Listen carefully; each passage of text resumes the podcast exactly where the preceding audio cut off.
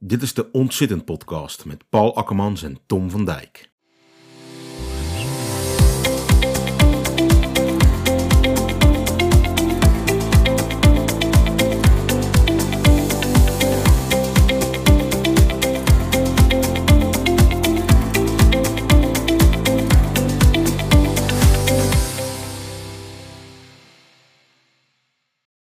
Welkom luisteraars bij eh, onze podcast eh, Ontzettend Ontzitten. Die we opzetten met eh, Paul Akkermans en Tom van Dijk. En we hebben nu uitgenodigd voor deze podcast Erik Kat. ja, ik zal hem niet echt helemaal toelichten. Dat laat ik liever aan hem zelf over. Dus Erik, kan jij misschien even wat toelichten van wat je taken zijn? waar we zijn in dit geval?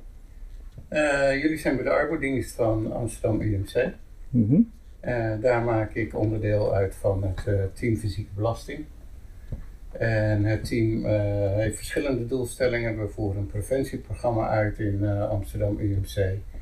En het woord zegt het al, we willen graag preventie bereiken op het gebied van fysieke belasting. Niet alleen dat mensen minder klachten oplopen, hè, we kennen rugklachten en dat soort dingen. Ehm, de klachten willen we voor zijn. Uh, maar we willen ook dat mensen prettig kunnen werken. Ja, en moet ik dan denken aan een uh, gedragsverandering, een beetje dat idee? Of? Dat speelt zeker mee. Gezondheidszorg is natuurlijk berucht uh, om, zijn, om zijn klachten. En de vraag is eigenlijk, waarom is dat? Ja. Ik laat bijvoorbeeld in een cursus voor de ergocoaches een plaatje zien van een tilinstructie uit 1961. Dat is dat is wel heel oud. Ja, uh, nou, veel mensen die ik ontmoet zijn uh, nog niet zo oud. Ik, nee, ik ook niet inmiddels. ook niet. Maar toch doet dat je denken, hè? 1961 waren gewoon ook al mensen bezig met ja. instructie en dat soort dingen.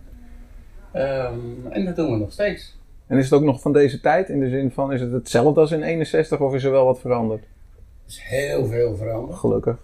Dus het is min of meer de enige overeenkomst dat het in instructie is.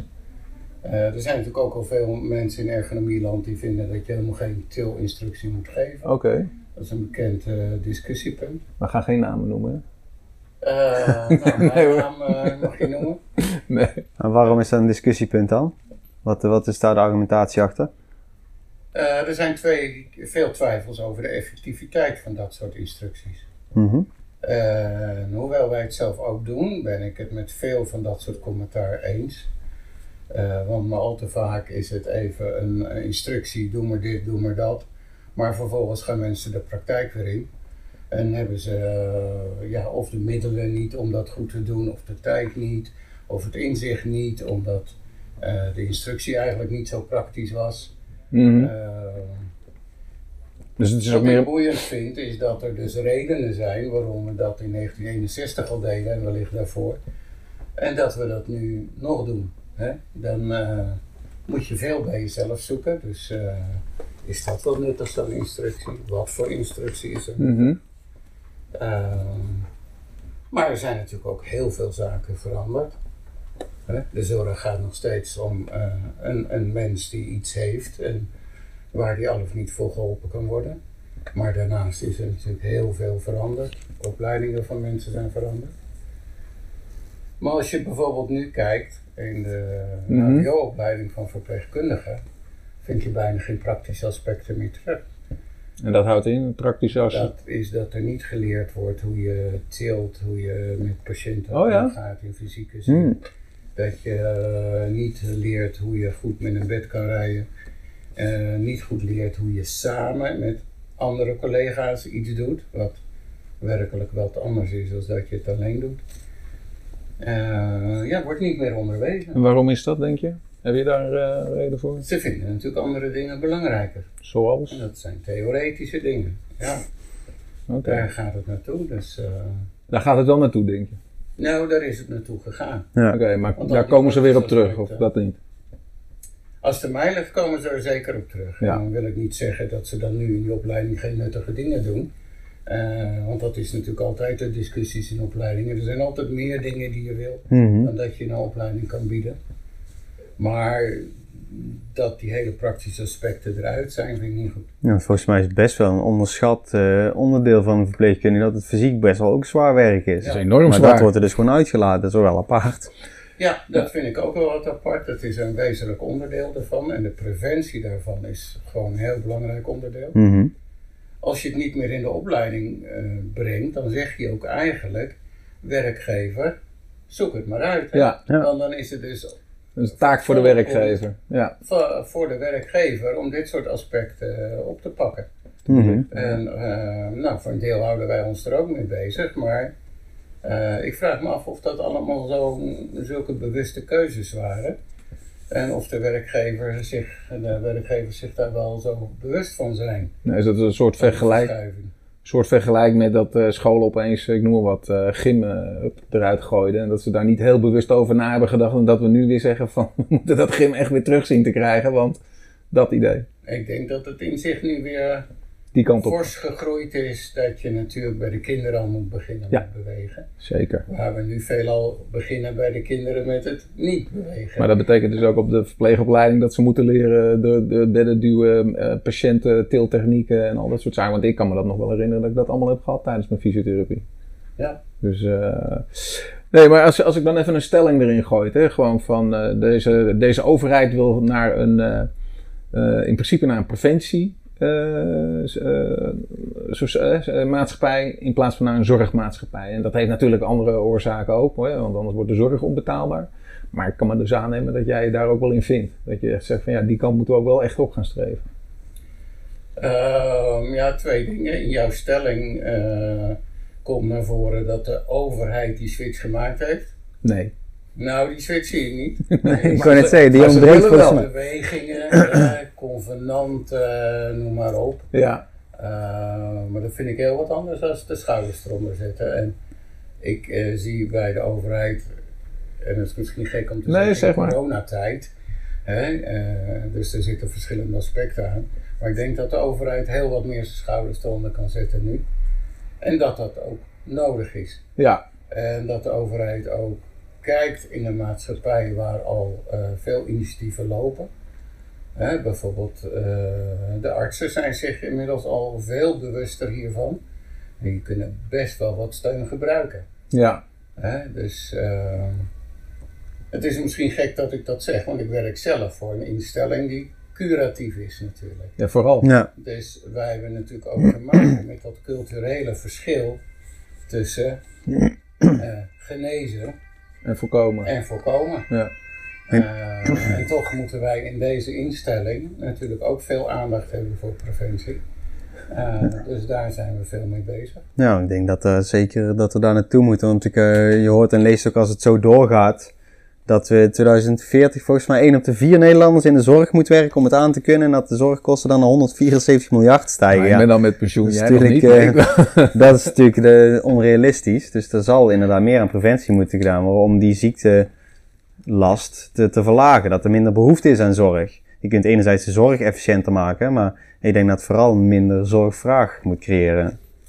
En dat is, maar dat is natuurlijk wel de uitdaging. Maar daar is, Dat- daar dat is veel te een winnen. grote uitdaging Ja. hoor, dat, dat, dat moeten we niet onderschatten. Nee. Eh, maar zeker een van de redenen waarom ook de overheid, maar eh, velen naast de overheid ook, eh, er wel zijn schouders eh, onder moet zetten. Mhm. Want je ziet nu hè, eh, hoe het nu uitpakt. De zorg voelt zich erg teleurgesteld in de, in de steun vanuit de overheid. Terwijl we juist in deze tijd ook heel erg geleerd hebben dat we die zorg nodig hebben. Juist, ja. ja.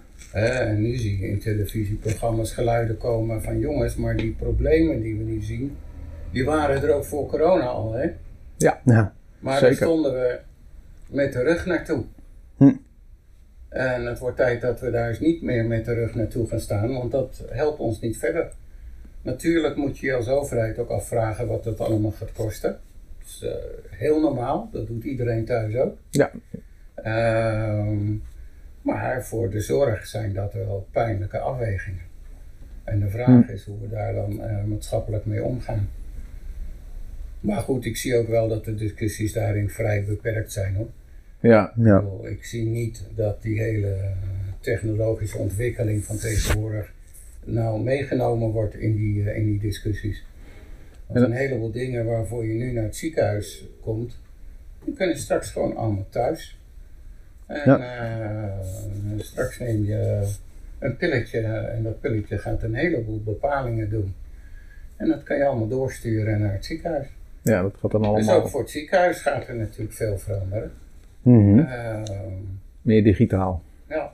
Ja, maar dat is natuurlijk de, de positieve kant van technologie, hè? dat dat eh, de zorg kan ontlasten en dat het er op die manier eh, bijdraagt aan gezondheid. Maar de andere kant is natuurlijk ook de afgelopen, eh, weet ik veel, 150, 200 jaar, dat die technologische ontwikkelingen ook voor heel veel eh zorgvraag hebben geleid, omdat de mensen steeds minder zijn gaan bewegen, omdat techniek alles van ons overneemt.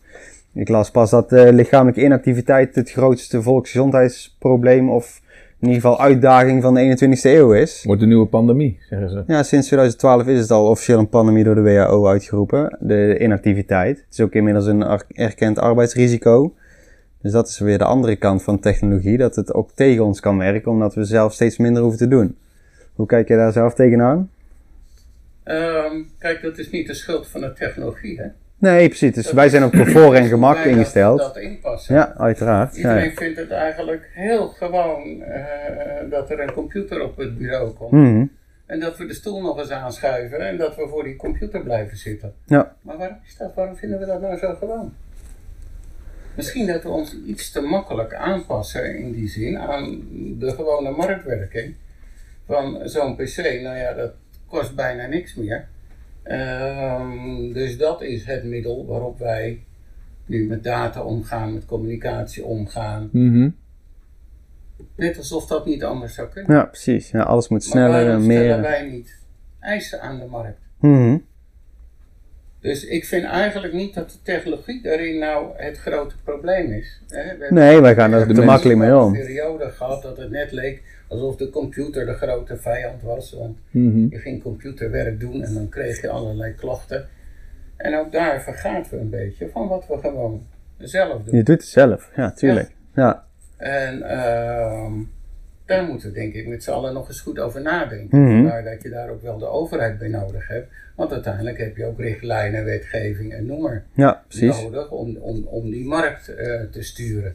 Dat kunnen we niet als, als individu. Maar wat we als individu wel kunnen, is dat we ietsje creatiever zijn in het bekijken van hoe gaan wij nou dingen doen.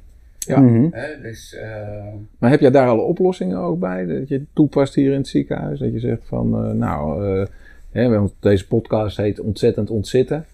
ja, Dus Ja, had- zijn er al dingen die je toepast? Je had dat, net ook zitten, over... dat is hier echt een, een groot thema.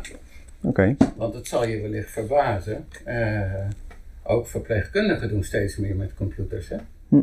Eh, in, in de zorg is het nu echt zo dat er een grote behoefte is aan, aan computerwerkplekken.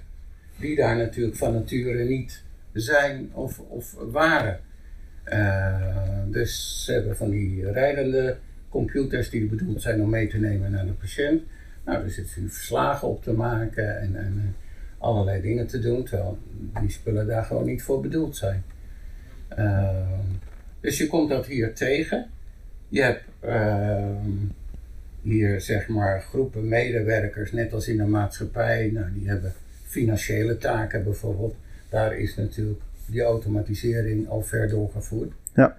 Maar je ziet het nu ook in alle andere eh, eh, ja, groepen voorkomen. Dus ook verpleging, een medisch-maatschappelijk werker. Dan denk je, die zit bij het bed met de patiënt te praten. Maar die zit zomaar de helft van zijn tijd achter de computer. Want als je dat even zo, eh, zo inziet, eh, dus het, computerwerk zoals je dat zag, hè, want we kennen elkaar al ietsje langer, maar eh, dat is echt alleen maar toegenomen in de ziekenhuizen. Dat is, de, de, de, vroeger had je echt nog wel het, het idee van een verpleegster en je had het idee van mensen die deden de administratie.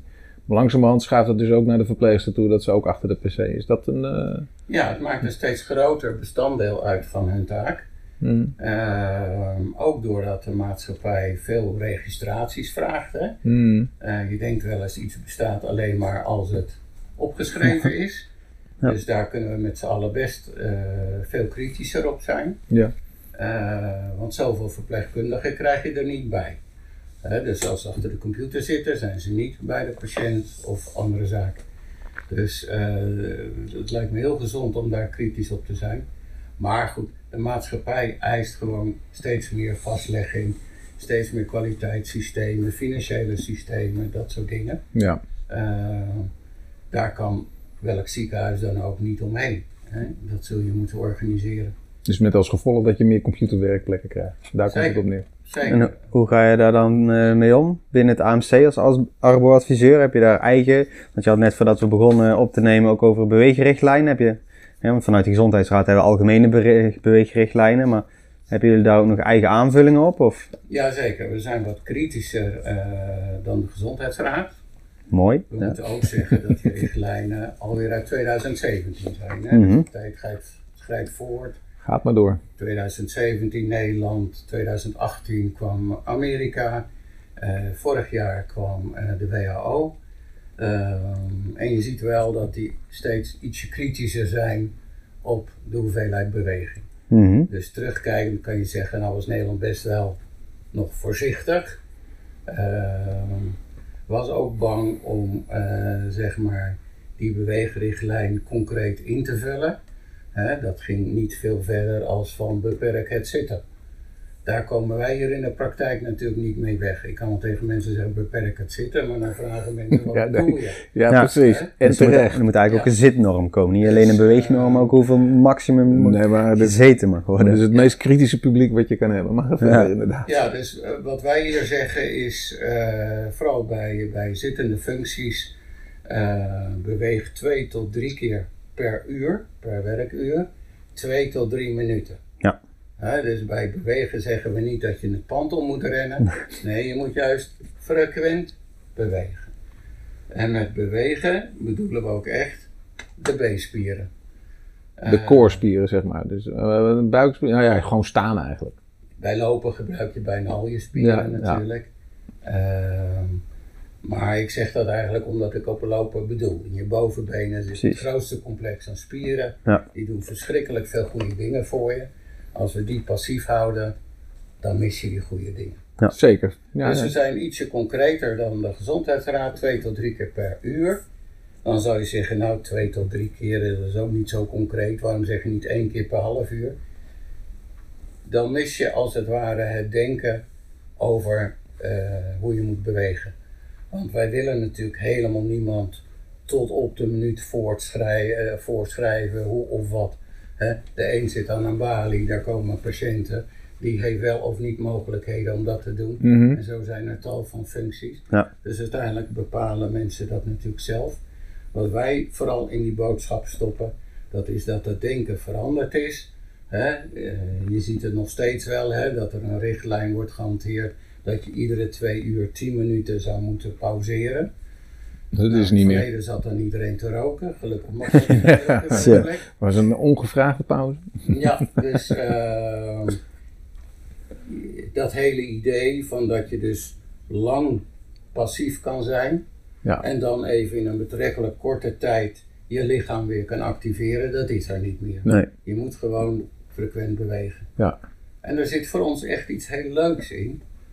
Want preventie is vaak een moeilijk verhaal. Hè? Zeker. Want ja, weet je, je krijgt over 20, 30 jaar hoge bloeddruk. ja. En, och, je kan er zelfs eerder aan overlijden.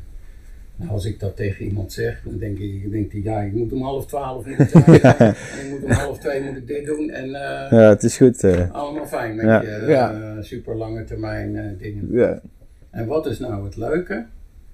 Als mensen ook binnen het werk eh, bewegen, dan voelen ze dat dezelfde dag nog.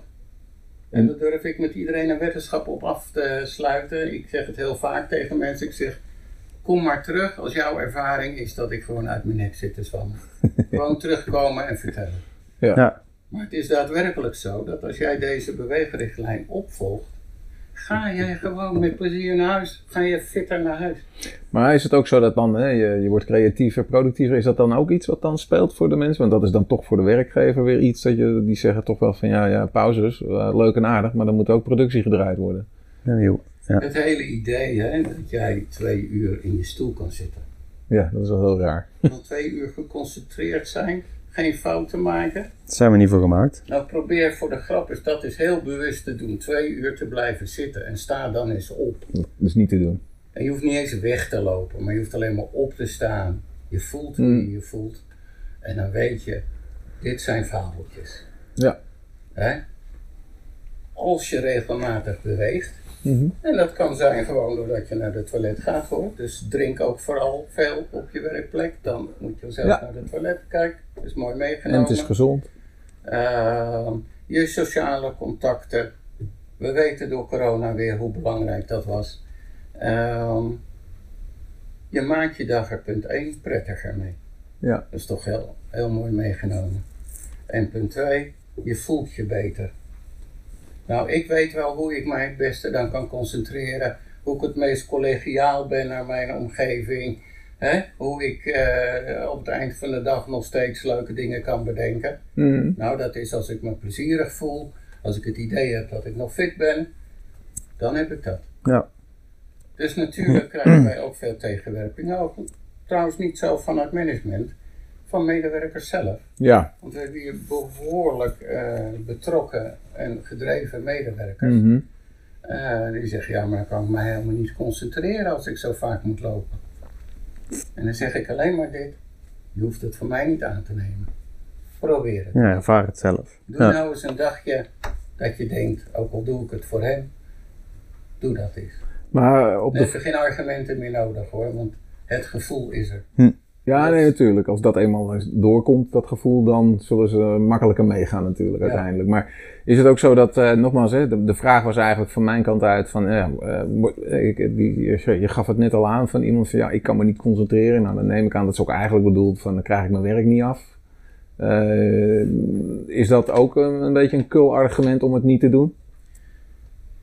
Nee, zo moet je het zeker niet noemen. Kijk, eh, dat zou een gebrek aan respect zijn voor de mensen. Er zijn deadlines. Er zijn dat je, eh, situaties dat je er echt even op moet storten, anders kom je er niet uit. Mhm. Eh, die dingen zijn er allemaal. Maar we moeten ook in onze advisering niet overdrijven. hè. Als jij regelmatig beweegt, als jij een goed werkpatroon hebt, oké, dan heb je een dag dat je er even helemaal voor moet gaan. En dan doe je er misschien een paar uur bovenop. Maar dan rol je niet dood uit je stoel. Nee. Hè, dus eh, dat geldt ook voor pauzesoftware. Hè, mensen zeggen wel eens tegen mij, ik klik het weg. Mhm. En dan kijk ik naar mensen en dan zeg ik, ja jongen, dat doe ik ook. Ja. Dat doe ik ook. Want het komt wel eens niet uit. Ja. Maar dan rol je ook niet dood uit je stoel. Het gaat er natuurlijk om, volg je een gezond werkpatroon? Of werp je dat allemaal van je vandaan? Ja. En als jij een gezond werkpatroon hebt, dan kan je heel wat aan hoor. Ja. En dan heb je misschien eens iets dat je denkt, ja sorry hoor, ik zet die pauzesoftware vandaag uit.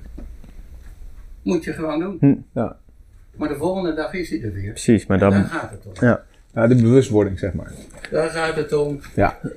dat je weet. Hè, dat Het gaat niet om het niet, eh, bewegen eh, zelf, het gaat erom dat je bewust wordt van dat het goed voor je is. Tuurlijk, en het gaat om de langere termijn. Je krijgt ook niet van de ene week op de andere klachten. Ja, wel dat je je nek voelt en als je s'avonds het journaal zit te kijken, dat je je schouders eens draait, dat je denkt, nou, weet je, dat was mijn dagje wel. Ja, maar Als je systematisch, structureel klachten krijgt, krijg je niet van een uurtje hard werken. Hè, dus als jij normaal een gezond patroon hanteert, dan krijg je daar gewoon je beloning uit. Hm. En die kan je voelen. En dan kun je ook een keer een dag dat loslaten en wel doorgaan, want dan ben je veel belastbaarder en weerbaarder. Dus dat is, het werkt twee kanten En die uit. dagen zitten er nog eenmaal tussen. Ja, tuurlijk. Maar als dat morgen ook weer is, en overmorgen en volgende week, Ja, dan moet je naar aandenken. dat je Ja. eens een keer wat hè, moet gaan overleggen of aan moet pakken of wat dan ook. Ja. En dat is op zich wel bijzonder geweest aan die thuiswerkperiode. Mensen werden letterlijk van de ene dag op de andere in een heel andere werksituatie geplaatst. Eh, alleen, sommige mensen helemaal alleen. Ehm, ja, dan moet je dat allemaal zelf bedenken en eh, daar antwoorden op bedenken. Eh, dat, dat is wel moeilijk, daar hebben we de consequenties wel van gezien. Ja, zeker. Want dat wou ik net vragen, hè, om daarop op door te gaan. Want eh, je geeft aan uiteindelijk, je wil die regelgeving doorvoeren. Maar hoe doe je het met hybride werken bij mensen thuis? Ga je naar mensen thuis langs? Of, of eh, ja, hoe probeer je die mensen eigenlijk te bereiken dat ze inderdaad, wat je net vertelt, hè, dat ze dus toch af en toe eens opstaan, dat ze af en toe eens lopen. Uh, of doen ze dat eigenlijk veel makkelijker thuis? Dat weet ik allemaal niet. Uh, wat, wat, wat is daar jouw kijk op? Of hoe doen jullie dat? In mijn ervaring, uh, en dat zie je ook terug in allerlei publicaties, zijn mensen eigenlijk veel aarzelender om goed voor zichzelf te zorgen dan dat ze op het werk al waren. En dat dus, komt? Ehm, gebrek aan referentie ja, ja. vanuit je omgeving. omgeving. Ja. Uh, kijk, als jij in je werkomgeving het druk hebt en je zegt tegen je collega's: nee, ga, ga maar even uh, lunchen, ik ga, ik ga door. Wat denk je dat die collega's dan zeggen? Even meekomen. Die zeggen: joh, hè, is het nou echt zo erg? Kunnen we niet met z'n allen dat oplossen? Het is toch wel belangrijk dat je niet mee gaat eten. Wie zegt dat thuis tegen je? Ja, precies. Niemand. Hè? Dus ehm, dat, dat is moeilijker. Hè? Je staat er mhm. alleen maar alleen voor. Mensen hebben in eerste instantie dan ook geen referentie. Maar hoe... In dit instituut waren we twee jaar geleden niet voor thuiswerken. Nee, dat weet ik. En dan opeens, van de, letterlijk, van de ene dag op de andere, gaan we thuiswerken. Ja. Mensen voelden zich wel schuldig als ze een broodje haalden om de, voor de lunch tussen de middag. Want hier in een bedrijfsrestaurant, ja, de meeste mensen hebben thuis geen bedrijfsrestaurant. de meeste niet, nee. Dus wat wij zagen, is dat mensen uren bij elkaar op gingen tellen. Ja. Dus opeens werkten ze 12 uur. Ja, de reistijd valt weg, dus je staat op, je ontbijt en je kunt meteen achter de computer. Ja, nou ja, de reistijd wordt ook... nog steeds vaak, dat ja? mensen uh, thuis de reistijden bij hun werktijd ja, optellen. bizar eigenlijk. Ik ga dan lekker wandelen, maar ja. nee, dat wordt uh, gewerkt. Ja. ja. Dat is een van de adviezen die we geven. Hè? Simuleer als het ware dat patroon waar je voordelen aan had. Dus start je werk, niet met je pc aanzetten, met een loopje. Ja. Hè? En dat hoeft ook geen uren te duren. Hè? En als dat met de hond is, helemaal mooi. Uh, start het met dat loopje. En wat nog belangrijker is, sluit het af met een loopje. Dus je neemt je van tevoren voor, ik doe dit en ik stop ook. Dan Op die manier. En dan zal dat vijf of tien minuten later zijn, maar dan niet uit. Als je dat loopje maar doet. Maar dan doe je dat loopje om ook je hoofd zeg maar, de gelegenheid te geven om die schakeling te maken. Van het is, vandaag zijn we klaar, zoiets. Ja, ja. en ja, dat lijkt zo simpel misschien als ik het zeg, maar het is niet zo. Nee, nee, dat is gebleken. nee, ik denk zeker in een omgeving net als hier, want als ik zie wat ik vanaf de auto naar hier, daar hebben we behoorlijk wat stappen gezet. En volgens mij, als je in een ziekenhuis werkt, loop je over het algemeen best wel veel. Ja. Dat valt allemaal weg als je gewoon thuis zit. En dat, dat wordt denk ik ook wel onderschat, dat je, je beweegt echt veel minder. Ja, en daar zit iets, uh, ik zou wel zeggen, bijna gemeens in. En dat hebben mensen toch vaak niet door. Ik noem dat de valkuil. Dat zitten leidt tot zitten. Ja. Op een gegeven ogenblik, als je veel zit, ik ga verstaan. Blijf je zitten. Zit je dus ook na je werk op de bank. Ja. Dat is echt een grote valkuil. Zitten leidt niet tot een prikkel. Oh, ik heb te weinig bewegen, bewogen. Ik, ik moet nou meer bewegen. Nee, het omgekeerde is waar. Je lichaam werkt niet meer mee. Dus als je op je werk de hele dag gezeten hebt. En je denkt, nou, het is hartstikke goed voor mij als ik naar de sportschool sta, ga. Nou, je lichaam werkt echt niet mee hoor. Nee. Je bent gewoon een kluns op die sportschool. Als jij die beweeg, dat beweegadvies op. Dat ken ik wel hoor. Ja. Kan je wel naar die sportschool. En werkt je lichaam wel mee. Het is al heel wat als je die motivatie toch hebt om naar de sportschool te gaan. Want ik las ook in het boek van Erik Scherder dat juist als je de hele tijd zit, maakt je lichaam ook die stoffen of in ieder geval die reactie niet aan om die prikkel te krijgen om te bewegen. Juist. Die krijg je juist door te bewegen. Ja. Want bewegen doet bewegen en zitten doet zitten. Ja. dat is wel heel apart. Dat is wel een hele goede, ja. Dat, is, dat is best wel heel naar, want zo'n beweegadvies. Joh, hè, bewegen ze een paar keer. Ja, nee, maar zit. Minuten. Het lijkt zo simpel, hè? Ja, zo is het niet. Maar waarom hebben mensen daar dan toch moeite mee? Dat zit hem in die valkuil. En die is best gemeen. Ja. En veel mensen realiseren zich dat niet, dat je dan dus ook echt zo'n patroon moet doorbreken. Maar is dan zo'n zittafel dan een oplossing, vind jij? Of zeg je van uh, zitstaattafel? We moeten daarin nooit spreken over de oplossing. Mhm. Wat je nodig hebt is regelmatige beweging.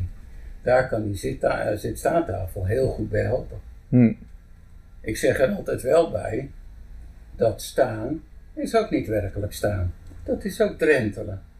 Ja. Mooi stukje efficiëntie, want als jij gaat zitten, dan maak je een cockpitje om je heen. Dan gebruik daar maar een heel klein deel van je bureau. Als je staat, drentel je heen en weer. Je kan alles gebruiken. Je hebt opeens een zee aan ruimte. Maar staan is nog geen lopen. Nee, Lopen staan. doen we echt die inspanningen van die bovenbeenspieren. Ja, Maar als staan nou in de plaats komt van zitten, en niet in de plaats van lopen, als het in de plaats komt van zitten, heb je een hele interessante stap gewonnen. Nou, wat ik op zich wel een hele goede vind, is wat je net zei: van eh, je begint je dag met lopen en je eindigt je dag met lopen. En dat geeft ook psychisch een, eh, ja, een soort van structuur. Ja. Dat je dan, eh, als je, als je klaar bent en je gaat dan lopen, dan gaat je, je, je, je, je werkinstinct, zullen we maar zeggen, die sluit zich dan af. Ja. Op, op zo'n wijze. En dat is, ja, je geeft mensen dus ook een stukje structuur, een soort van ritme. Ja. En dat vind ik wel, eh, ja, vind ik wel eens even, ja, dan moet ik ook, dat ga ik ook eens gebruiken. Ja. Dus ja, die zittafel is heel interessant. Eh, Mensen vergeten vaak dat het ook gewoon een leuk ding is. ja. Ik bedoel, eh, het is eind van de middag. Druk je even op een knopje, een stukje hoger, kun je er een beetje tegenaan steunen. Nou, ik heb nog nooit gehoord dat dat verboden is hoor.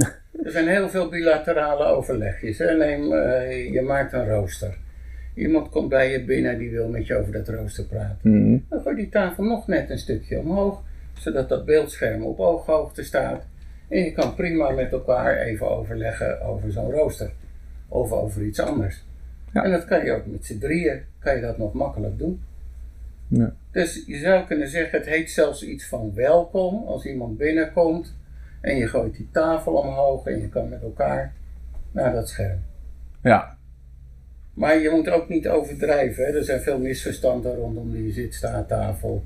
Hè, ook wel van management die zegt van, ja, ik zie die tafels nooit omhoog. Ja, maar hoe vaak loop je daar dan ook? Ja. Hoe vaak, hoe lang moeten mensen staan? Ja, 1 tot 2 hè, was het geloof ik. Als je een uur zit, mag je een half uur eh, staan, toch?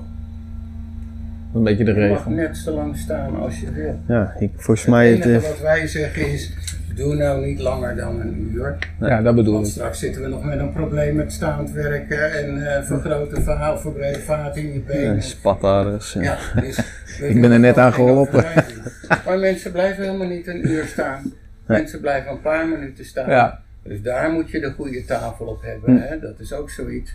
Die moet het goede bereik hebben. En dat vind je niet zomaar bij marktplaatsen. En. Nee, nee, nee. En ook En- soepel omhoog en omlaag. Niet dat je een uur aan het slingeren bent. Ja, de slinger is helemaal niet. Voor zit staan moet er gewoon een knopje op zitten. Ja. En dat knopje, daar moet je jezelf gewoon in oefenen. Die moet je achterloos kunnen bedienen. Ja. Dus jij zit op je stoel en je denkt, oh, oh, een beetje krampig in mijn schouders. Dan gaat je hand gaat naar dat Eigenlijk knopje. automatisch al. En terwijl je eigenlijk gewoon doorwerkt, die tafel moet zo, Hm. zeg maar, rustig zijn, niet te veel lawaai maken. Die moet niet trillen. Je moet niet opeens je pen grijpen omdat die van je tafel af moet afgerold. rollen. Ja. Dus je moet wel gewoon een goede tafel hebben. En als je die hebt, dan kan je die achterloos bedienen.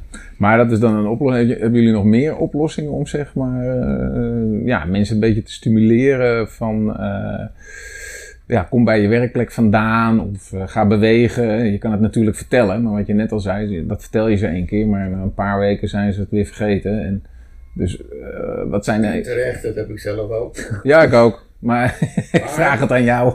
Je kan folders maken wat je wil. Er Nee. is niks wat opweegt tegen het zelf voelen. Ja, nee, dat klopt. Absoluut. En daar richten we ons vooral op. Voel het verschil. Ja. En daarin heb je natuurlijk allerlei zaken. Zo zit staattafel bijvoorbeeld, dat is nog niet overal gewoon.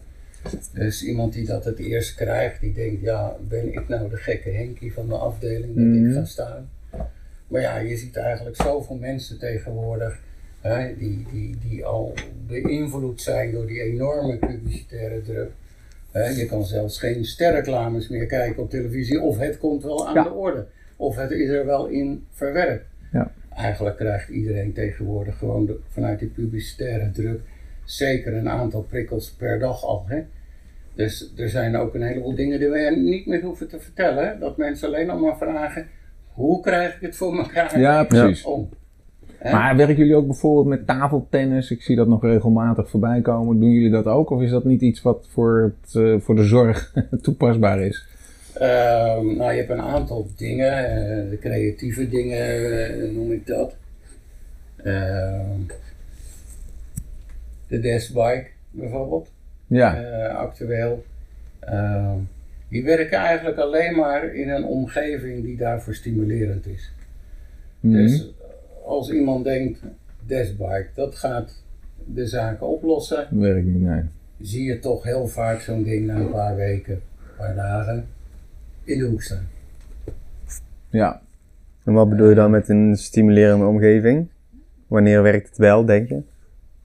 Als jij een paar collega's hebt die daar enthousiast voor zijn. Ja. En je helpt elkaar er ook een beetje in. Van, goh, neem ik vandaag de fiets, doe jij het morgen, of ik doe het vanochtend, of ik doe het nu en jij straks. Eh, eigenlijk zoals we heel veel dingen doen, Hm. vanuit een omgeving die stimulerend is. Ehm, als jij de hele dag hoort, gewoon een gek fietsje. Ja. Ben je weer aan het fietsen? Heb je geen werk? ja dan is Ja, ja, ja, ja, ja, je, nou, dan is het moeilijk hoor. Ja, nee, en dan ben je de enige en dan, ja, dan ben je gauw de motivatie kwijt. Ja. Dus daarvoor leiden wij bijvoorbeeld ook ergocoaches op. Dat zijn gewoon mensen van de afdeling Mhm. zelf. Eh, die, die kunnen daarin ondersteunen. Die kunnen daarin dingen toelichten, zodat je niet meer hè, die, die verwerkingsmomenten hebt. Dat ook andere mensen moeten denken van... Goh, waarom is dat? Waarom zit hij op die fiets? Eh, Hm. Is het gek? Is het niet gek? Ehm, dus die kunnen veel meer mensen meenemen erin.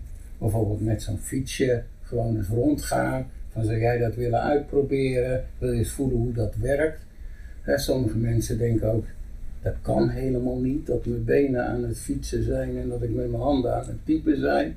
Hè, dan, eh, Ja. dan gebeuren er allemaal Tweedeling, dingen. ja. Ja, Ja, het precies. is ook heel Ja. normaal dat mensen dat denken. En dat, dat los je eigenlijk alleen maar op door te denken van, ik ga eens op de fiets zitten, ik ga dat eens uitproberen. Ja, ja. En dan niet denken dat je de Alpe gaat beklimmen achter je bureau. Daar is het hele binnenklimaat niet voor, dat is allemaal veel Nee, te veel te warm. warm. Hè, dus dat zie je ook heel vaak in het begin met zo'n fietsje. Dat heel erg Te hard van overdreven stapel. wordt. Ja. Ja, maar Het gaat om de beweging. Als je die beweging, Ja. kalm beweegt. Klopt. Maar- Als je zo zeg maar tegen het eind van de werkdag met een groepje zo'n een competitietje wil hebben. Nou, dan is het misschien leuk om dan ook zo'n metertje erbij te hebben en eh, te kijken wat voor inspanning je gepleegd hebt. Zeker. Dat is allemaal goed, dat, dat, Mm, dat Stimuleert weer. Ja. Maar Ja. natuurlijk niet iedere afdeling gaat, eh Gaat ervoor. competitietjes doen. Nee, precies. Maar horen dat soort initiatieven ook eh, als pilots opgezet of zo? Of komen die vraag vanuit de mensen zelf van, ik eens een keer zo'n fiets proberen? Of hoe, hoe ga je daarmee om met dat soort meubilair? Wordt dat actief geïntroduceerd? Of? Wij hebben zo'n fietsje. Mhm. Ehm, eigenlijk gewoon om de eerste drempels te overwinnen. Ja. Wij gaan daar niet afdelingen mee langs of wat dan ook. Wij staan er open voor. Signalen bereiken ons vaak via de ergocoaches. Ja. Die zeggen, nou joh, daar zou ik nou op mijn afdeling eens wat mee willen proberen. Precies. En dan willen we dat zo laagdrempelig mogelijk houden. Als je zo'n pilot wil organiseren en je bent vier maanden bezig. Nou, weet je, dan heb je er al lang geen zin meer in. Eh, je hebt gewoon je werk. Dus dat moet een beetje laagdrempelig zijn. Ja, dat van, is een functie die wij kunnen vervullen. ja, precies. En Het is als zo'n eh, afdeling zeg maar, de behoefte aangeeft. Maakt eventjes niet uit wat, maar ze willen bijvoorbeeld meer bewegen. En dan komen jullie met, nou, we hebben een eh, fietsstoeltje. Kan het eens proberen. Het is meer in die trant. Ja, Waardoor het is dan... niet zo dat wij zeggen, hè, het leven wordt geweldig als iedereen op zo'n fietsje zit. Het Nee. is ook gewoon onzin. Ehm, maar het is een van de mogelijkheden. En als zo'n mogelijkheid nou net aansluit, Ja. dan kan dat best iets heel moois worden. Hm. Dus, eh, maar je hebt al wat misverstanden rondom die zit-staattafels natuurlijk. Dat je daar allerlei dingen bij nodig hebt. Eh, van die schommelplanken, van allerlei dingen. Hè? Maar dat is natuurlijk niet zo. Hè? Je hebt gewoon twee voeten, twee benen. En die gebruik je gewoon verstandig. Ja, Hè? En je gaat niet te lang staan, je gaat gewoon eh, een paar minuten wil zitten als je daar zin in hebt. ja. En Maar zeker als je eraan begint, moet je natuurlijk helemaal niet overdrijven. Nee. Dan, eh, Nou ja, kijk, als ik even, even snel naar mezelf kijk, dan heb ik altijd, als ik mensen, eh, dat soort eh, mensen met zit-staattafels, eh, ik zorg er wel altijd voor, hè, om aan te geven, zeg ik dan, probeer ook weg te gaan bij de PC. Blijf niet, eh, ook met de zit-staattafel, als jij twee uur, eh, ook al wissel je af, je moet ook weg. Hm. Het zijn ook je brains Ja, die al- gewoon moe worden. zeker, Dus Zeker, dat is ja. zeker een, een, een iets wat ik meegeef. Maar goed, dat even terzijde. Want we zijn nu alweer eh over, de, over het half uur heen. En dan had ik nog eigenlijk een laatste vraag. Maar ja, ik weet niet of ik hem nog moet stellen. Maar het gaat over iets heel anders. Dat hadden we afgesproken. Dat we nog eens een keer een, vraag zouden stellen. En eh, dat gaat gewoon over de actualiteit. En eh, in het kader van bewegen wil ik de vraag dan stellen over voetbal. En toen dacht ik van, nou ja, jij bent dan natuurlijk een Ajax-fan, want jouw zoon die heeft ooit een keer... Die speelt. nee, maar hij stond op de nominatie. Hij was wel iemand... Wel. Ja, dus en eh, toen dacht ik van, goh, wat vind je van de laatste wedstrijd van Ajax tegen Dortmund? Nou, dat was nou typisch zo'n gevalletje van een goed resultaat is de bedoeling en dat telt.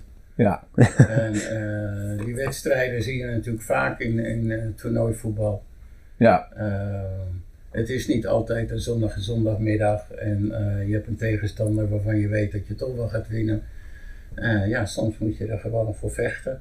en dat hebben ze gedaan. En dat hebben ze gedaan. Ze zijn eh, op achterstand gekomen en ze zijn teruggekomen. En zelfs op het eind van de wedstrijd jassen ze er nog even eentje bij.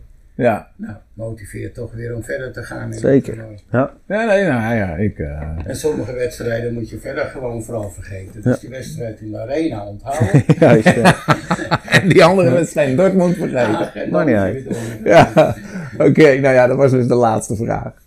Eh, nou, ik wil je heel erg bedanken voor je inzichten. Ik, tenzij jij nog een laatste ja, ik weet vraag niet of je zelf nog iets hebt toe te voegen of een bepaalde uitdaging waar je hiermee eh, te kamp hebt. hebt. Oh ja, Of iets, sorry. een wijsheid die je wilt delen. Eh, nou, ik hoop dat die al in het, eh, in het, in het vorige praatje zaten. Eh, Maar kan je het in één zin ik samenvatten? zou, ik zou tegen iedereen willen zeggen van wees spits op die valkuil. Hè? Je wordt een klein Ja. beetje bedonderd door jezelf. Ja. Zitten leidt tot zitten. Ik denk dat er wel een heel mooi inzicht is Dus van uit dit verhaal. Ja. Ja, Ja. accepteer Ja. van jezelf dat je een paar dingen moet veranderen om ook echt verder te komen. En dan gaat het wel. Dat is een goeie. ja. Was ik Nou, bijna vergeten te vragen. Laten Goed dat jij er weer bij zit. nou, bij deze dan, eh, Erik, heel erg bedankt voor je inzichten. En eh, nou, ik hoop dat de luisteraars eh, hier wat aan hebben gehad. En eh, nou, we zijn net iets over het half uur gegaan. En, eh, Zolang het maar waardevol is, toch? precies. Nou, Graag nog- gedaan. Ja. Succes met de podcast. Ja. Dankjewel. jij gaat er zeker van horen.